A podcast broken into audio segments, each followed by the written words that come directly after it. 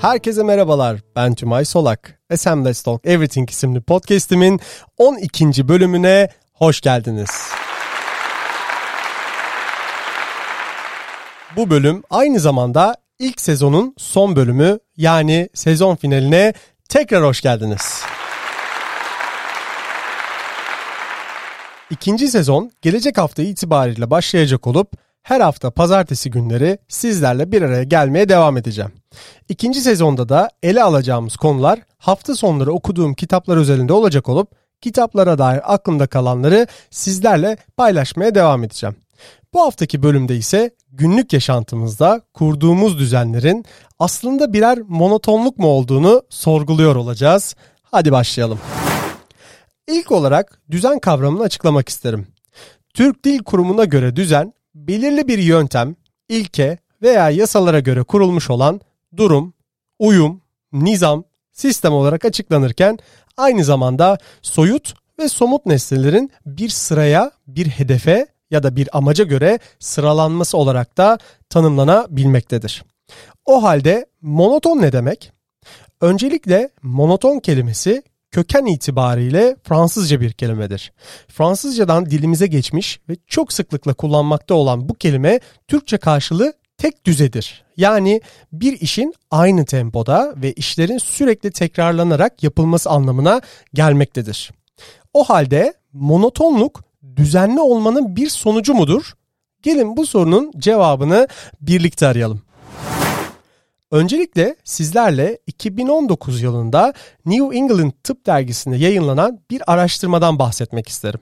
Araştırma uzun süreli yalnızlık ve monotonluğun insan beynine etkileri konusunda çarpıcı bulguları ortaya koydu.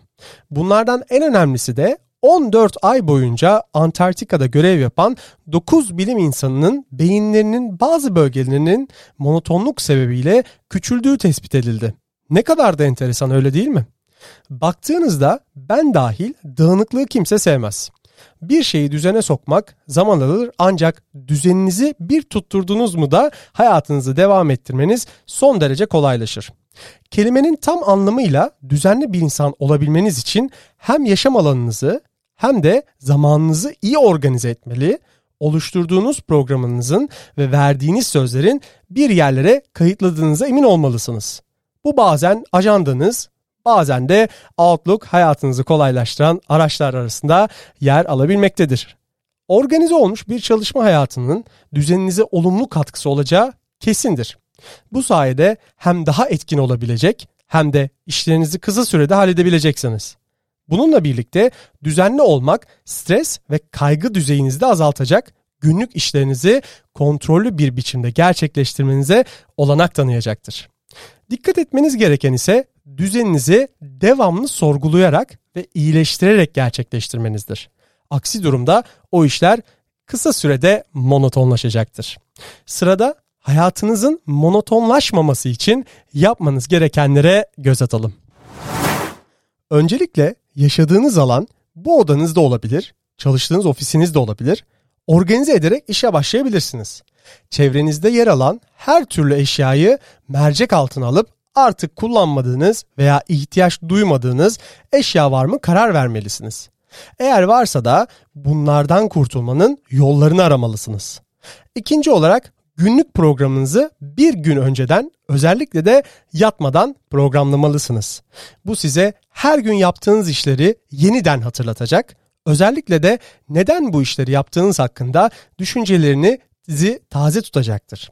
Elbette hayatlarınızda her gün kendini tekrar eden işleriniz olabilir. Bu çok normal. Ancak kastettiğim kendini tekrar eden işlerinizin sizin için anlamını yitirmemesine izin vermemelisiniz.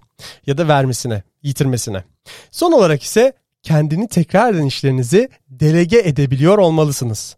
Zamanla operasyonel işlerinizden öğrendikleriniz azalmaya başlayacaktır. Bu çok normal. Bu nedenle de çevrenizde bu işleri öğrenebilecek ya da yapabilecek insanların olması önemlidir.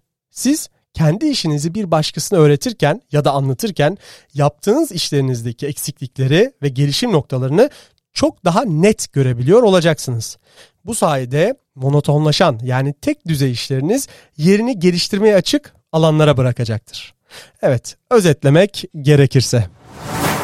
Hepimizin hayatlarında her gün yaptığımız işlerimiz vardır. Bunlar bazen evi süpürmek, bazen yemek yapmak, bazen de işimiz gereği rapor hazırlamak olabilir. Önemli olan işlerinizi neden yaptığınızı, kattığınız değeri sürekli sorgulamanızdır.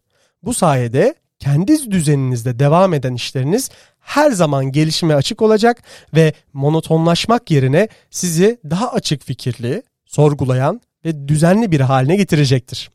Evet, bu haftalık da benden bu kadar. Umarım sizler de benim kadar keyif alıyorsunuzdur.